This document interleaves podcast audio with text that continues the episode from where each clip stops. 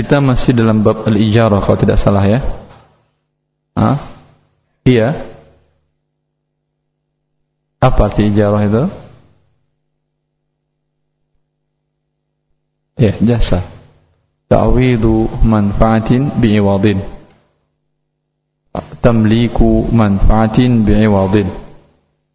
Memberikan kepemilikan dari manfaat atau jasa bi'iwad dengan ada iwat atau imbalan. Ini namanya ijarah. Memberikan kepemilikan jasa, baik jasa ini adalah jasa dari al-a'yan barang, manfaat dari barang, manfaat rumah, jasa rumah atau jasa kendaraan ataupun al-ashkhas, ijaratu al-ashkhas, ijaratul a'yan bisa jadi jasa dari barang atau jasa dari orang. Ya, minta jasa dia untuk membuatkan rumah atau jasa dia untuk mengajarkan disiplin ilmu atau jasa dia untuk menguruskan sebuah urusan yang Anda tidak punya waktu untuk mengurusinya. Ini namanya ijaratul ashkhas. Dua ini adalah bagian dari ijarah. Dan telah kita jelaskan sebelumnya rukun dan syarat dari ijarah secara garis besarnya. Rukunnya ada apa rukunnya?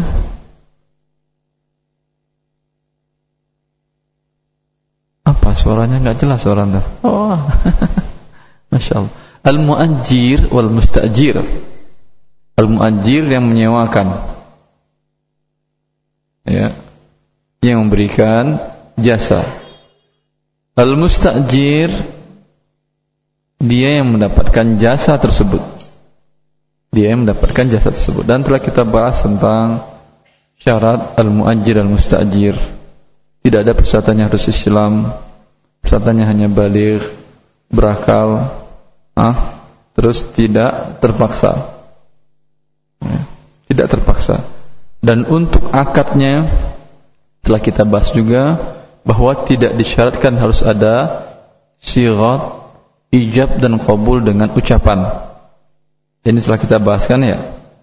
Tidak perlu Anda naik naik bis kota, Pak, tolong antarkan saya jasa mengantarkan saya ke daerah B.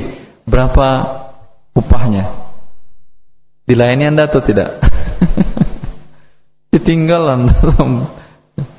Anda kata, naik dulu, naik dulu. Enggak, saya enggak boleh naik dulu. Karena bila tidak jelas akadnya tidak boleh. Hah? Bukan tidak jelas akad tidak boleh. Anda tidak mengerti apa yang dimaksud oleh para ulama dengan mu'atah. Bahwa akad itu bisa dengan ijab dan qabul dengan sirah, dengan kata-kata, bisa juga dengan perbuatan. Perbuatan. Ya. Bila ini sudah menjadi harga umum. Kalau Anda naik taksi, menggunakan jasa untuk mengantar Anda ke suatu tempat. Dari awal bisakah Anda menentukan akad ijab dan kabulnya tolong antarkan saya ke daerah fulan. Ya. Siap. Kabul dia menerima jasa tersebut. Tapi dalam masalah ujrah nanti akan kita bahas bagaimana cara menentukan hujrah. Sampai di sini jelaskan bahwa sirah bentuk akadnya boleh dengan kata-kata dan ini hukum asalnya dan boleh juga dengan perbuatan yang menunjukkan Anda saling redo. Ketika Anda naik ke bis kota tadi, berarti Anda redo untuk menggunakan jasanya dan redo dengan harga e, biasa berapa harga biasa untuk sewa jasa tersebut. Jelas ini? Baik. Kemudian kita lanjutkan persyaratan selanjutnya rukun ma'kud alaih atau objek yang menjadi objek akad dari ijarah atau al-muajjar fih. Objek akad. Objek akad ini adalah manfaat jasa dan imbalannya. Imbalannya bisa jadi uang bisa jadi juga jasa juga. Bisa jadi juga jasa bisa juga barang Ujrohnya bisa jadi uang, bisa jadi jasa juga, bisa jadi juga uang. Ya. Bila jasa juga seperti Anda mengatakan,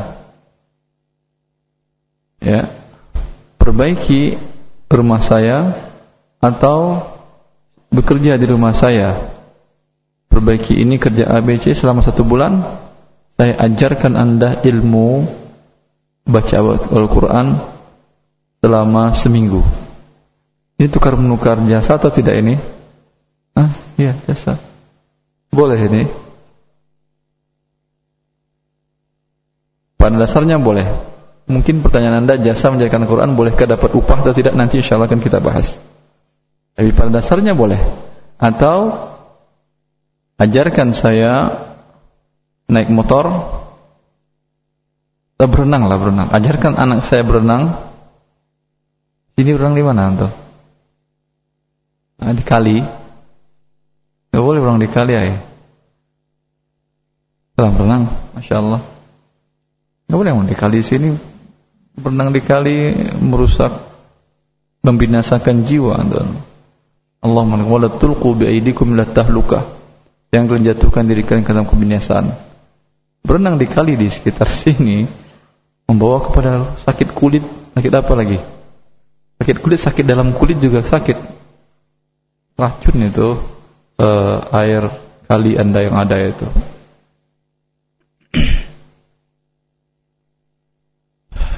Anda mengatakan, ajarkan saya atau anak saya berenang, kemudian saya akan bekerja di rumah Anda selama seminggu. Ini tukar menukar jasa dengan jasa. Jasa dengan barang ada bentuk kontemporernya malah ada.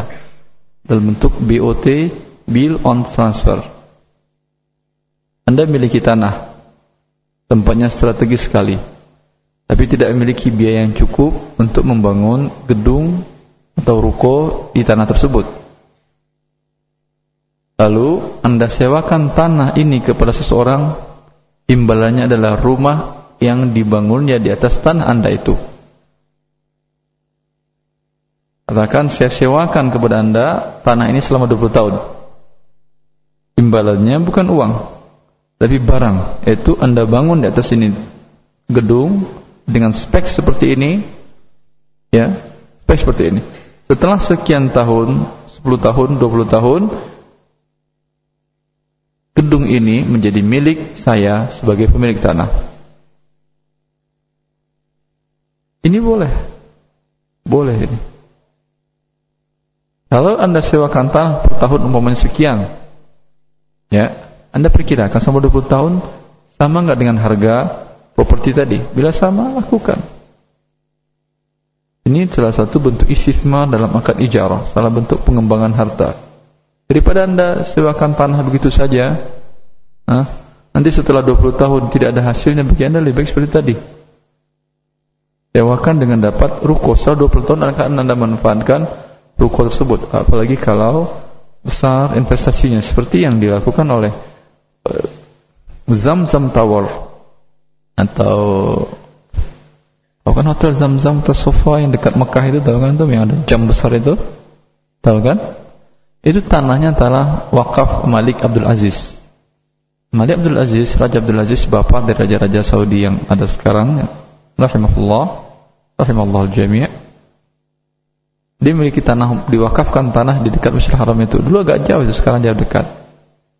Tapi tidak badan wakaf ini tidak punya dana untuk membangun perhotelan karena yang paling bagus di sana adalah hotel, penginapan mahal. Maka diminta salah satu perusahaan besar di sana, perusahaan Bin Laden, untuk membangunnya, menyewakan tanah selama 25 tahun. Setelah 25 tahun, gedung itu menjadi milik badan wakaf. Ini boleh. Ini boleh. Ini menukar jasa menempati tanah selama sekian waktu dengan gedung. Ini manfaatnya besar luar biasa bagi teman. Tidak mesti anda harus keluar uang dulu kan. 20 tahun masih hidup nggak anda? Anda nggak masih hidup tapi keluarga anda akan mendapatkan kebahagiaan setelah 25 tahun. Ahli waris anda akan mendapatkan gedung ini berikut dengan tanahnya salah satu bentuk istismar pengembangan harta menyewakan ya jasa ditukar dengan barang Yang biasa jasa ditukar dengan uang. Menggunakan jasa dia kemudian dibayar dengan ujrohnya adalah berbentuk uang. Kembali kepada persyaratan umum jual beli. Persyaratan jual beli. Barang yang diperjualbelikan syaratnya apa? Apa? Barang yang halal, betul. Maka syarat menyewakan jasa tamliku manfaat memberikan kepemilikan manfaat atau jasa persyaratannya jasanya harus jasa yang halal jasa yang halal jasa yang haram telah kita bahas sebelumnya tidak boleh disewakan jasa melakukan transaksi riba menulis akad riba menjadi saksi riba tidak boleh ya jasa berzina tidak halal ini hasil upahnya. Jasa pesan rokok, membuat rokok, ya, pernah kita bahas ini juga tidak halal. Sebaliknya, bagaimana dengan jasa dari perbuatan yang wajib? Itu perbuatan yang haram, tidak boleh kita memberikan jasa tersebut. Dan andai pun diberikan mendapatkan imbalan atau upah dari memberikan jasa ini upahnya pun tidak halal termasuk harta yang haram bagaimana upah dari memberikan jasa yang merupakan sebuah perbuatan ibadah Hah? Silahkan anda sholat saya upah yang sholat ada kan di sebagian daerah di Indonesia apa yang sholat berjamaah rutin dapat hadiah mobil begitu ada Masya Allah. Masya Allah. Eh, kalau di sini dibuatnya al-barakah buat seperti ini yakin banyak rugi panitianya dapat banyak nomor mobil. Dia buat di daerah yang gak ada orang sholat jamaah di situ mungkin. Kalau hadiah lain hal, tapi kalau jasa untuk melakukan perbuatan yang wajib, wajib ini ada wajib aini, ada wajib kifai. Sudah pernah kita bahaskan dalam pembahasan harta haram kalau tidak salah. Baik. Bila perbuatan wajib aini ya fardu ain maka memberikan jasa tersebut mendapatkan upah atas jasa ini tidak halal. Karena tidak ada manfaat bagi pemberi upah. Saya katakan kepada Anda, tolong Isya ini Anda sholat atas nama saya, saya enggak sholat.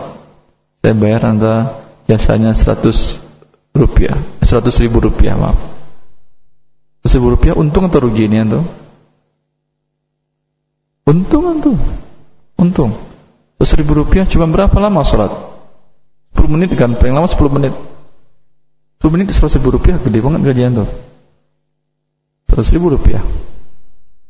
Ya.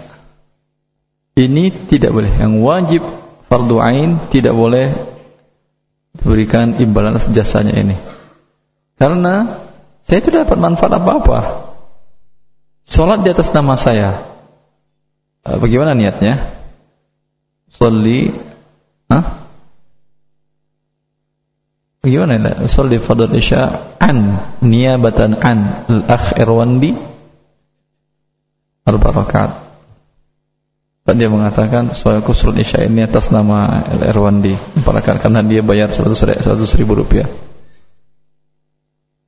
Saya hilangkah kewajiban sholat isya saya? Hilang atau tidak?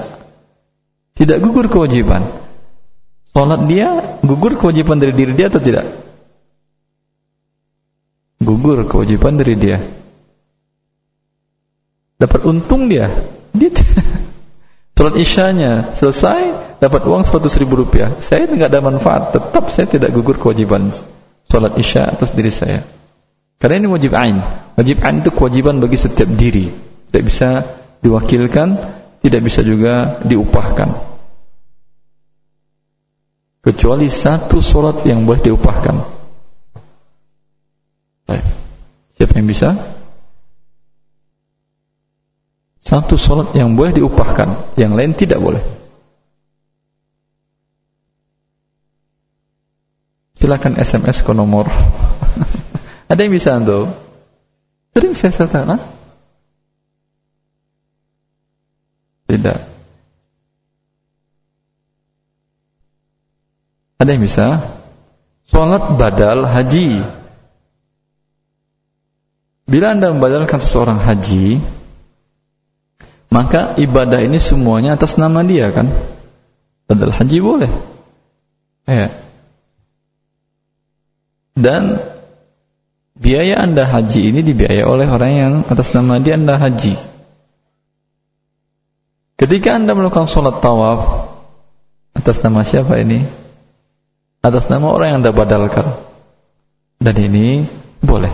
Walaupun tidak Anda sebutkan aku salat tawaf atas nama orang yang badalkan. Tidak.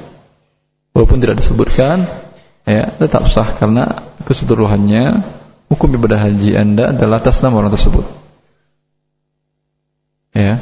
Ini solat yang fardu ain tidak bisa diupahkan. Puasa yang wajib tidak bisa diupahkan tidak bisa diupahkan karena doain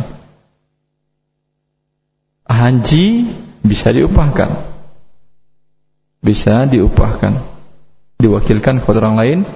Berbeda pendapat para ulama bolehkah dia mengambil upah atau tidak? Biaya iya biaya iya. Biaya keberangkatan ONH akan ditanggung oleh ongkos naik hajinya akan ditanggung oleh yang membad, yang menunjuk anda untuk menggantikan. Tetapi uang di luar ini bolehkah dapat atau tidak? Uang upah. Sini khilaf para ulama.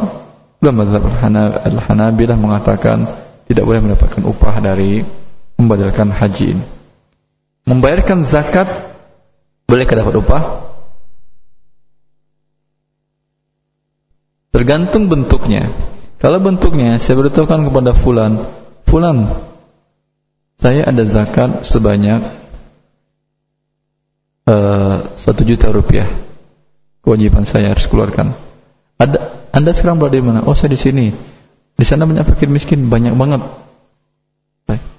Pakai dulu uang anda satu juta, serahkan ke fakir miskin. Nanti sampai di sini saya ganti juta itu. Ah, tapi di sini menyerahkannya pakai amplop. Kemudian saya serahkan ke rumah-rumah. Butuh biaya saya untuk jalan kaki, naik sepeda. Ah. Beri dong penggantian biaya ini 100 ribu saja. Ya. Bolehkah ini?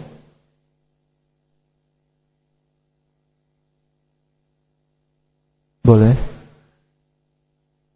Ini bentuknya tidak boleh. Kenapa tidak boleh?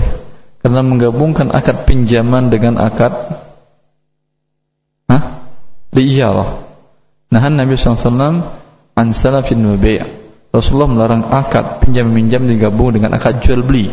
Di sini ada akad sewa menyewa digabung dengan akad pinjam minjam. Berarti saya bayar ke dia nanti berapa? Hah? Berapa? Satu juta seratus. Saya pinjam uang dia tadi berapa? Satu juta saya bayar. Satu juta seratus. Walaupun anda katakan seratus itu kan imbalan jasa. Tidak boleh menggabungkannya. Tidak boleh menggabungkan ini Rasulullah melarang ini. Tapi kalau bentuknya uh, dia mengatakan saya mau akan pergi ke kota A. Oh iya kebetulan saya ada zakat bisa bagikan di sini kayaknya. Sepertinya saya tidak menemukan mustahik zakat di sekitar saya. Tolong bawa uang ini. Ya, tolong bawa uang ini dan bagi-bagikan ke orang sana. Saya percaya dengan Anda. Lalu dia meminta kepada saya biaya fee untuk bagi-bagikan tadi 100 ribu rupiah. Hah? Kalau ini bolehkah saya berikan 100 ribu rupiah tambahan? Boleh. Harusnya saya sendiri tentang sana membayarkan, memberikan, menyalurkan zakat ini. Sekarang diwakilkan oleh dia dan dia minta fee, boleh. Karena di sini tidak ada hutang, berbeda dengan kasus tadi. Tadi menggabungkan akad hutang dengan akad sewa menyewa. Sini tidak. Murni sewa menyewa untuk membagikan zakat. Bolehkah dipotong oleh dia? Saya kan amil. Iya, kalau dia bilang ini 100 juta 100. Udah gini aja solusinya. Anggap saya amil, jadi saya potong 100 dari uang zakat tadi yang saya serahkan cuma 900. Ya, yang saya bagi-bagi 900, yang 100 lagi kan zakat. Hak saya sebagai amil. Bolehkah ini? Dia kan ambil nggak satu saat sekarang ini? Mendistribusikan zakat? Iya ambil namanya. Hah? Tidak boleh karena persyaratan para ulama mensyaratkan amil itu harus yang ditunjuk oleh negara. Karena kalau demikian, semua orang ngaku amil, datang di ke rumah ketok pintu, mana zakat Anda? Saya amil. Tapi ada badannya, ada peraturannya, itu ditunjuk oleh negara, sehingga dengan demikian baru berhak dia mendapatkan seperdelapan tadi. Kembali kita kepada permasalahan mengambil upah dari ibadah tadi. Dari perbuatan maksiat jelas tidak boleh. Dari perbuatan yang ibadah bila fardu ain dan tidak ada manfaat bagi orang yang memberikan imbalan makanya tidak boleh seperti sholat puasa tidak boleh bila ada manfaat seperti zakat boleh atau ada dalil yang menunjukkan seperti haji boleh untuk yang fardu kifayah fardu kifayah ibadah fardu kifayah hmm? seperti apa azan imam sholat atau menyolatkan ah, jenazah dalam hal ini berbeda pendapat para ulama tentang boleh atau tidaknya mengambil zakat atau berdakwah, mengajarkan Al-Qur'an, mengajarkan akidah, mengajarkan fikih syariat Allah Subhanahu wa taala. Ini berbeda para ulama tentang upah mengambil mengambil upah dari ibadah ini. Sepakat mereka mengatakan boleh bila upah ini diberikan oleh pihak ketiga bukan dari pengguna jasa. Pihak ketiga ini bisa berbentuk negara negara yang membiayai diberikan honor oleh negara ya ini sepakat para ini boleh karena para sahabat menerima ya honor dari negara arzak atau ya dari Baitul Mal disamakan dengan ini dan dan Syekh Syekh Ahmad bin Abdullah Hamad beliau mengatakan disamakan dengan hal ini lembaga-lembaga sosial memberikan dana, memberikan memberikan upah atau imbalan kepada orang-orang yang mengajarkan agama Allah. Boleh. Atau sekolah boleh. Ya. Walaupun Anda mengatakan kan sekolah itu juga dipungut bayaran dari para uh, murid yang menggunakan jasa sekolah tersebut. Tapi sudah mulai perantara, perantara boleh. Jelas ini bentuknya, boleh. Dan sosial, lembaga, boleh mengambil upah dari hal ini. Boleh, tidak ada syak. Ya, karena Rasulullah mengatakan, Inna haqqam ma alaihi ajaran kitabullah. Yang paling pantas, paling patut kalian ambil upah darinya adalah kitabullah pun diriwayatkan juga dalam sahihain bahwasanya seorang sahabat menikahi seorang wanita maharnya adalah mengajarkan Al-Qur'an kepada wanita tersebut. Menghafalkan Al-Qur'an kepada istrinya. Dan mahar masihlah harta. Berarti upahnya ini adalah berbentuk harta yang bisa dijadikan sebagai mahar. Jelas ini? Yang ada perbedaan pendapat para ulama bila bentuk akadnya adalah upah, mengupah atau ijarah. Anda panggil seorang ustadz untuk mengajarkan Al-Quran kepada anak Anda. Lalu dibuat kesepakatan per datang sekian. Hmm. Tidak melalui pihak ketiga, lembaga, bukan. Lembaga sudah kita jelaskan tadi. Sepakat boleh. Ya. Boleh dari negara, dari pihak ketiga, lembaga boleh. Sampai sekarang para ulama kita diberikan oleh honor oleh negara. Kalau tahu gaji, gaji, gaji yang diberikan oleh negara kerajaan Saudi Arabia kepada kibar ulama, ayah kibar ulama, dewan ulama besar mereka itu dan mufti mereka, orang itu tidak untuk tahsinul badal tahsin saja setahu saya. Badal tahsin itu penggantian merubah status. Dari sebelumnya umpamanya profesor jadi duduk di badan fatwa. Itu saja akan diberikan huh, insentif atau penggantian dari tahap awal itu satu juta real. Kali tiga ribu rupiah Berapa miliar? 3 miliar. Itu baru tahsinul wada. Padahal tahsin belum gajinya. Hmm. Pengen antum jadi ulama besar. Ini yang berikan negara, yang berikan negara. Kemudian jangan anda beranggapan, oh memang tujuannya untuk membungkam murid para ulama ini. Tidak ya. Tidak pernah bisa uang membungkam murid para ulama. Ya. Tidak. Mereka vokal terhadap negaranya, terhadap rajanya, dinasihatinya. Bahkan Syekh Abdul Aziz bin rahimahullah eh, kepala Fat, uh, Fat Mufti ke Saudi Arabia pernah ketika ada salah seorang yang mengingatkan Syekh Amir tersebut salah seorang keluarga kerajaan yang memegang kekuasaan tersebut berbuat begini begini begini. Kenapa para ulama tidak ada yang ngomong? Kata Syekh, kamu berapa kali memberitahukan kepada dia? Belum. Kata Syekh, saya tidak kurang seratus kali berkirim surat agar dia mengingati dia menasihati dia. Tapi tidak perlu saya beritahukan kepada orang-orang. Ya. Tidak ada tujuh, tidak ada fungsinya untuk beritahu kepada orang. Saya sudah nasihat ribuan kali tapi dia nggak mau tidak. Dia dalam rangka karena orang ini menuduh syekh para ulama tidak berbuat apa-apa, maka baru syekh mengatakan, "Walhasil ikhwani fillah, jangan anggap bahwa uang ini tujuannya membungkam mulut para ulama sehingga para ulama menjadi ulama pemerintah. Tidak. Tidak pernah selamanya uang itu bisa membungkam mulut orang-orang yang takut kepada Allah Jalla fi'ula di masa Al-Mu'tasim ya salah seorang nama Darkani namanya yang mendapatkan arzak dana honor dari negara per bulannya ulama hadis ketika di waktu itu fitnah tentang Quran adalah makhluk dan termasuk yang menentang pihak pemerintahan mengatakan kalau engkau tidak mengatakan Quran makhluk kami hentikan kami hentikan honor dari negara. Hal dia mengatakan, ambil buah bajunya. Dunia yang kalian berikan kepadaku bagaikan buah baju ini, ambil buah baju ini oleh kalian. Padahal dia memiliki 20 wanita, anak dan istrinya yang dibiayai per hari. Tidak takut. Ini jelas tidak ada tuj baik tujuan pemerintahnya Allah Taala tapi tujuan para ulama tidak akan mungkin bisa ulama yang takut kepada Allah Subhanahu wa taala tidak mungkin akan terbungkam mulutnya dengan ini untuk mengatakan yang al-haq, mengatakan kebenaran.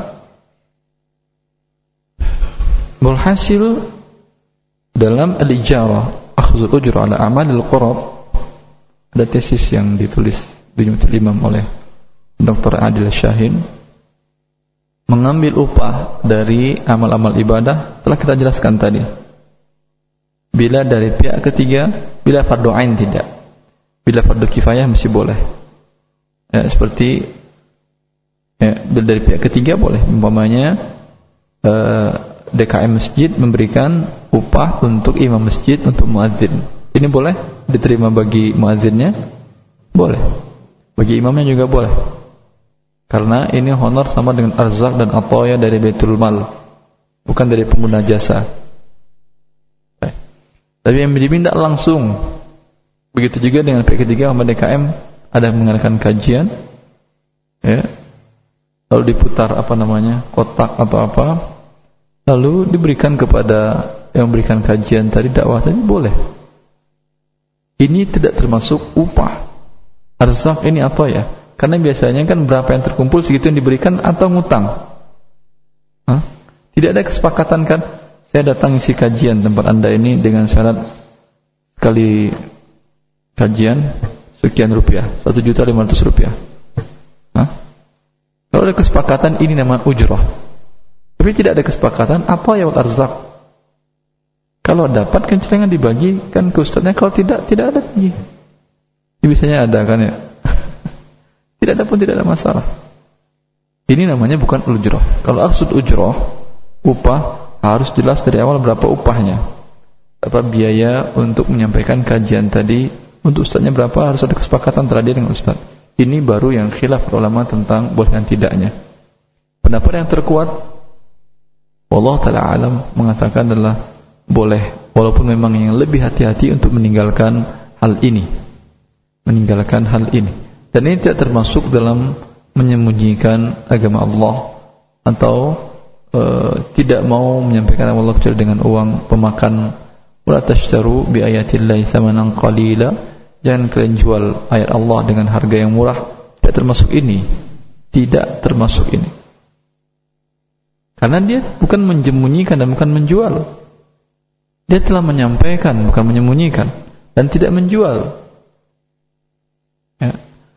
akan tetapi kalau dibuat bentuknya seperti di arzak sangat lebih bagus sekali tanpa ada kesepakatan. Sangat lebih bagus sekali daripada dengan bentuk ijarah tadi. Ini persyaratan ma'kud alai atau jasanya kemudian jasanya juga harus tadi apa jasanya mubah halal. Yang haram tidak boleh yang wajib pun tidak boleh kecuali yang telah kita jelaskan. Persyaratan kedua persyaratan objek jual beli apa? Bolehkah menjual barang dalam bungkusan? Boleh boleh atau tidak tidak boleh jual indomie dibungkus atau tidak indominya Bila tidak jelas isi di dalamnya, ia tidak boleh. Tapi Indomie kan di luarnya ada rinciannya. Maka tergantung bungkusannya itu apa. Bila dia jelas kalau dia walaupun tidak dibuka, tidak ada masalah. Maka persyaratan manfaat jasa juga harus jelas. Harus jelas. Tolong antarkan saya ke tujuan saya. Berapa biayanya? Ini antum naik apa? Naik taksi. Tujuannya mana Pak? Ke mana saja? Nanti saya sampaikan tujuannya ke mana. Jelas atau tidak jasanya ini? Bisa saya supir taksi mengatakan, terserah Bapak betul, terserah Bapak, tapi nggak masalah. Per kilonya, per kilometer sekian rupiah. Sekarang jelas atau tidak? Jelas. Walaupun tujuan dia nggak jelas, terserah dia. Pengen termutar, mamanya pusing. Tapi lihat saja per kilonya sekian. Ini jelas. Jelas lengkapnya. Maka dia menentukan dengan waktu ataupun bentuk jenis kerjanya. Dia umumnya mengatakan, saya butuh tenaga anda, tapi saya tidak tahu. Apakah seminggu saya kontrak anda, dua minggu, sebulan, mungkin saja seterusnya. Kan anda akan menghitung jasa yang anda berikan. Kalau kontraknya short time, waktunya pendek, itu harganya besar biasanya kan? Ya, kalau panjang kan biasanya biasanya kecil lebih kecil kan ya. Dia mengatakan bisa jadi sehari saya kerjakan Anda bisa jadi seminggu, bisa jadi sebulan, bisa, bisa jadi setahun, bisa jadi sampai saya dan Anda masih hidup membuat akad. Ini gharar atau tidak ini? Atau tidak jasa lama jasanya? Gharar. Bolehkah? Boleh kalau dibuatnya ketentuan namanya ya udah nggak masalah tapi perharinya sekian atau per jamnya sekian terserah mau setengah jam juga boleh tapi per jamnya sekian per jam umpamanya berapa jasa per jam apa aja jasa bisa jadi ngangkat barang bisa jadi nulis bisa jadi per jam umpamanya 10 ribu kalau bekerja 8 jam sehari 80 ribu per hari tersebut terserah mau berapa hari dia menggunakan jasa anda boleh tidak buat akad saya menyewa seperti ini jasa Apakah harus jasa ada apa? Ada asuransinya, ada pensiunannya, ada semacam. Enggak, tidak harus. Dan jangan mencari kerja Anda seperti itu. Jangan seperti Anda, kalau enggak itu Anda enggak kerja, jangan. Saja yang penting jelas akad sewa dengan per jam atau dengan per waktu atau dengan jumlah kerja. Dia mengatakan ini pasir ini atau tanah ini mengganggu halaman saya.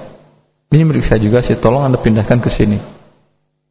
Jasa memindahkan ini saya bayar Anda 100 ribu rupiah. Setuju? Terserah Anda mau kerjakan dua hari, mau setengah hari, mau satu jam, terserah Anda. Ini boleh ini. Karena manfaatnya jasanya jelas. Oh, tadi jelasnya dengan waktu, sekarang jelasnya dengan per proyek atau per bentuk pekerjaannya. Bolehkah dengan digabungkan keduanya dengan penentuan kerja dengan waktu sekalian?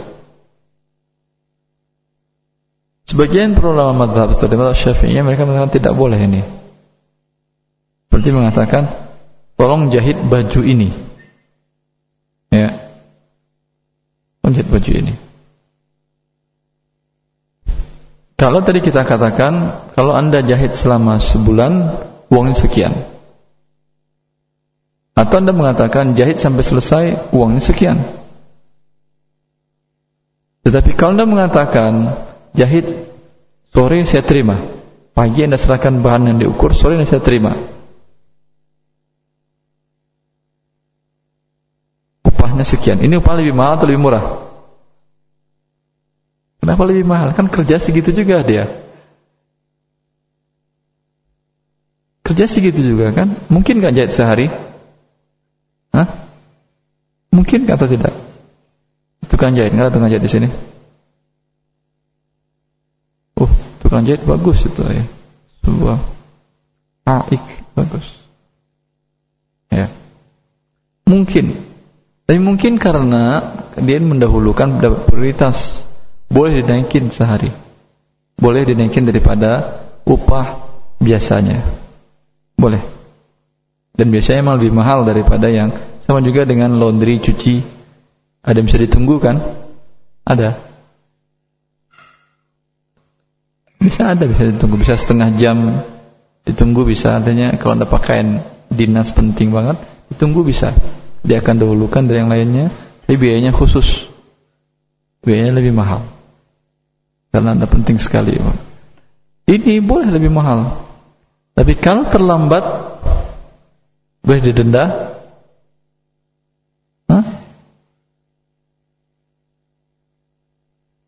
Tadi saya katakan Berapa cuci baju dan sampai setrika jadi ini? Saya butuh banget. Nanti jam sekian saya harus pakai baju ini dalam acara resmi ini.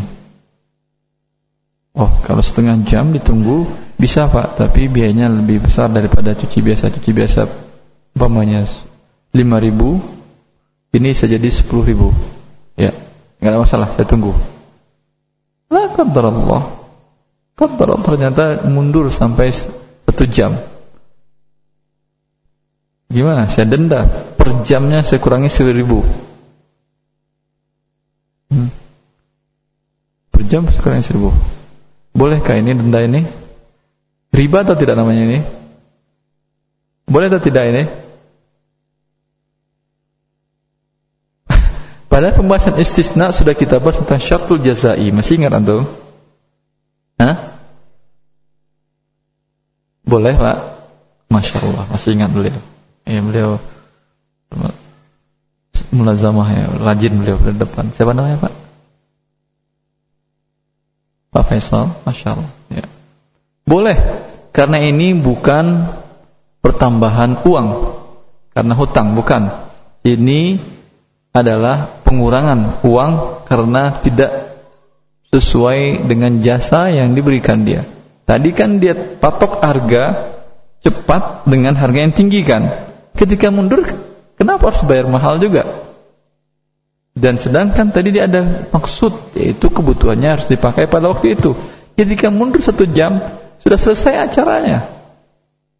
Gak perlu lagi pakai baju itu. Jelas? Ini nama syartu jazai dan boleh untuk jasa, bukan untuk hutang, keterlambatan pembayaran. Tapi kalau saya terlambat bayarnya, udah nggak apa-apa. 40 ribu 10 ribu. Ya. Tapi kalau terlambat kamu saya potong per jamnya 1 ribu ya. Ya 10 ribu. Tapi kalau anda terlambat bayar juga gitu. Harus nambah 1 ribu lagi. Dari setelah selesai saya serahkan barang anda harus menambah 1 ribu rupiah. Kalau ini boleh? Yang mana yang tidak boleh? Yang mana yang boleh? Tambahan uangnya tidak boleh. Karena terlambat pembayaran hutang ini riba. Anzirni azidka Berikan aku masa tangguh, aku tambah nilai hutang kepadamu. Tetapi pengurangan uang akibat kelalaian dan tidak tepat janji pada waktu penyerahan barang atau jasa ini boleh. Karena ini namanya adalah syartul jazai pelajaran daimah membolehkan hal ini. Maka jasa yang diserahkan harus jelas. Jasa yang akan ditamlik yang akan dimilikan keberikan kemilikannya kepada mustajir pengguna jasa harus jelas. Jelasnya tadi seperti tadi. Maka anda kalau naik taksi itu horor atau tidak itu jasanya? Kan tidak. Walaupun tujuannya ke mana berapa kilonya anda nggak jelas. Harganya sudah jelas atau belum dari awal? Tidak jelas kan dari awal. Buka pintunya dah kena harga berapa eh, tutup lagi masih enam ribu keluar lagi buka enam ribu lagi masuk enam ribu begitu atau maksudnya buk tutup sekali jalan gitu ya, sekali jalan sekali jalan. Maka kejelasan harganya pada waktu itu tidak jelas memang. Tetapi nanti akan ya udu ilal ilm dengan cara per kilonya sekian. Saya kira kita cukupkan sampai di sini. Kita masuk tanya jawab. Kalau ada yang ingin tanyakan silakan. Ya, pertanyaan dari Bapak Hadi di Yogyakarta, boleh atau tidak membuat kesepakatan kerja dengan pegawai, pegawai baru tentang periode kerja, misal satu atau dua tahun. Apabila sebelum masa kesepakatan tersebut karyawan mundurkan diri dikenakan denda, biaya pengadaan seragam pegawai dan biaya perekrutan pegawai barakallahu fikum. Jelas tadi pertanyaannya ini? Kerja. Buat kontrak setahun ini penting kontrak per tahun umpamanya sekolah atau perusahaan tadi ya. Sekolah kalau ganti guru di pertengahan semester di pertengahan tahun ajaran biasanya merusakkan ya. Iya kan? Maka mensyaratkan kontrak per tahun umpamanya. Ya. Bila disyaratkan bila tidak memenuhi kontrak maka dikenakan penalti. Tidak memenuhi kontrak setahun maka dia harus membayar denda sekian. Bolehkah ini? Pertanyaannya sama dengan yang tadi jawabannya. Ya? Sama dengan yang tadi yang mana? Yang pakaian tadi bila terlambat menyerahkan boleh boleh dikenakan sanksi penalti dan ini masyarakat jazai boleh. Ustaz sekarang ini ada beberapa banyak bank syariah mempunyai program dana talangan umroh dengan ujroh dibayar di muka dan pengembalian dari dana talangan bisa 1 sampai 3 tahun tanpa dikenakan bunga. Contoh eh, D D apa ini dana talangan 20 juta 70 juta ujrohnya 2 juta 600 15 persen ini Hah? Eh, hampir 200% kan? Dana yang dipinjamkan 20 juta. Upahnya karena minjamkan dana 2 juta 600 pengembalian yang 20 juta dibagi satu tahun. Dua tahun atau tiga tahun bagaimana hukumnya mengenai program ini? Dan bagaimana pula melaksanakan umrah tersebut? Jazakallahu khair. Assalam Abu Yazid ini lebih besar daripada ujrohnya ini mengambil upah dari meminjamkan. Ini termasuk seperti yang tadi. Yang contoh yang mana yang tadi? Yang zakat tadi. Pakai uang anda dahulu ya bayarkan dulu zakatnya. Nanti saya ganti ditambah fee untuk anda me, apa tadi? Menyalurkannya ini 2 juta 600 dari 20 juta 10% lebih ini.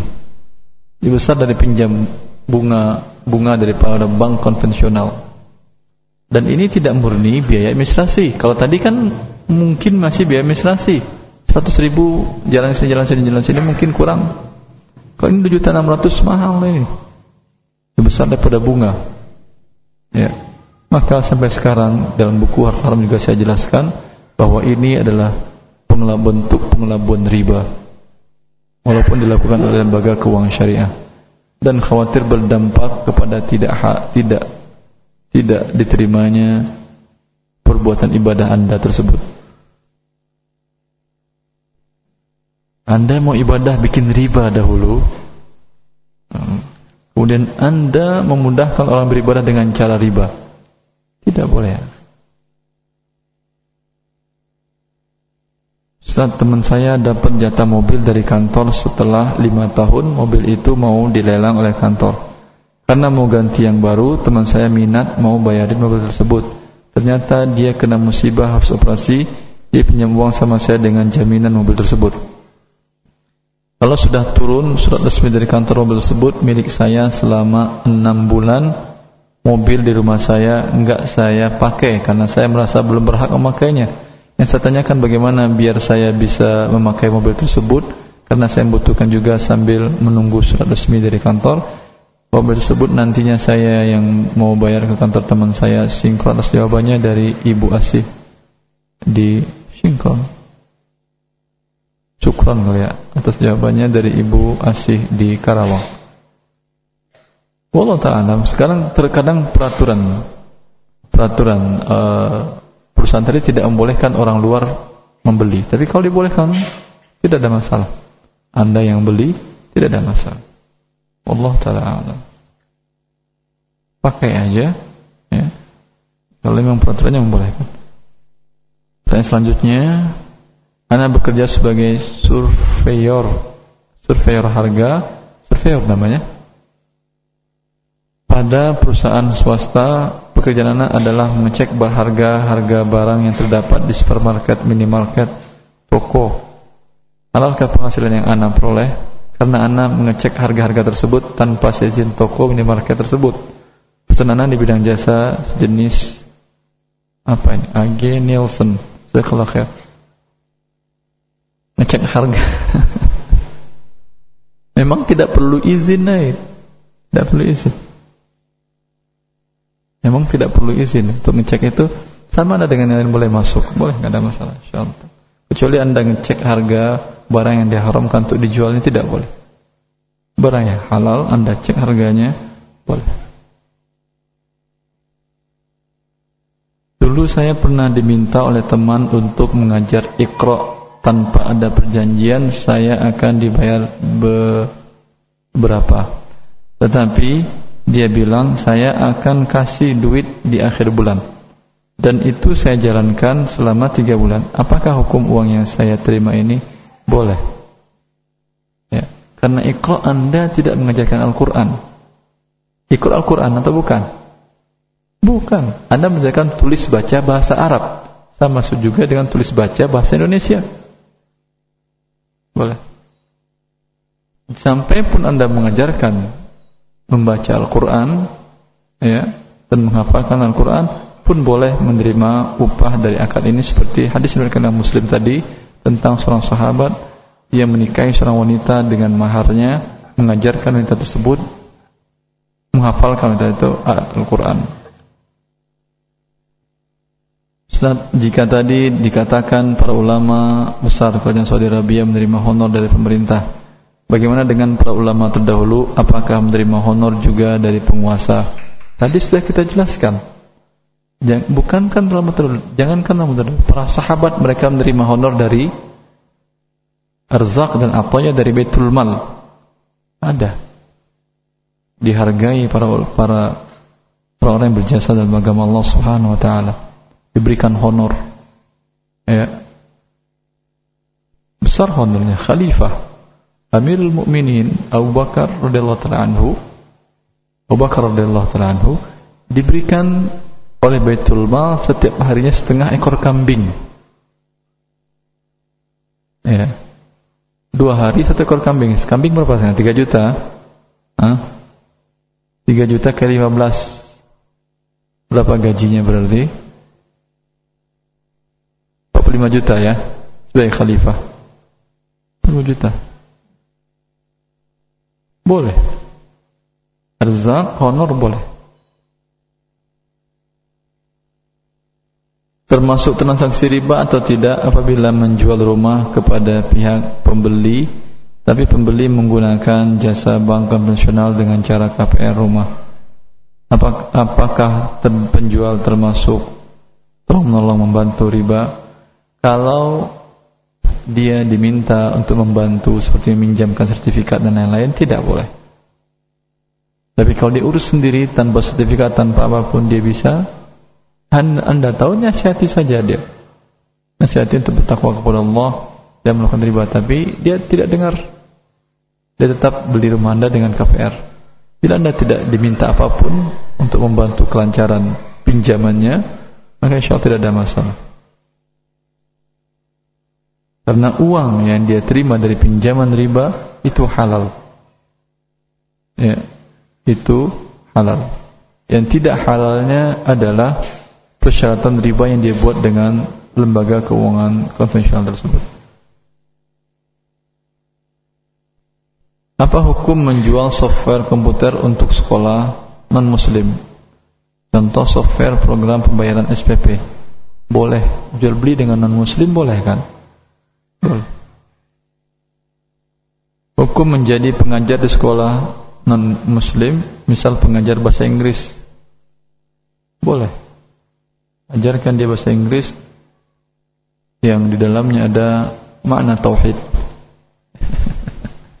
Bisa kan? Bisa ya.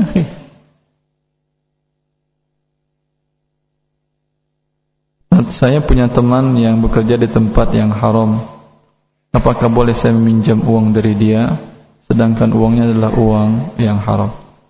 Bila Anda tahu bahwa dia tidak memiliki harta yang halal, ya yakin dia tidak ada usaha yang halal. Semuanya hartanya dari harta yang usaha yang haram tadi, maka tidak boleh Anda pinjam. Bukan karena uang itu uang haram jadi haram di tapi bila Anda pinjam, semakin lama dia bertobat karena dia bertobat kepada Allah Subhanahu wa taala ini akan diberikannya kepada fasilitas umum. Ya. Eh, saya kira cukup sampai di sini. Semoga bermanfaat. Subhanakallah bihamdika asyhadu an la ilaha illa anta Assalamualaikum warahmatullahi wabarakatuh.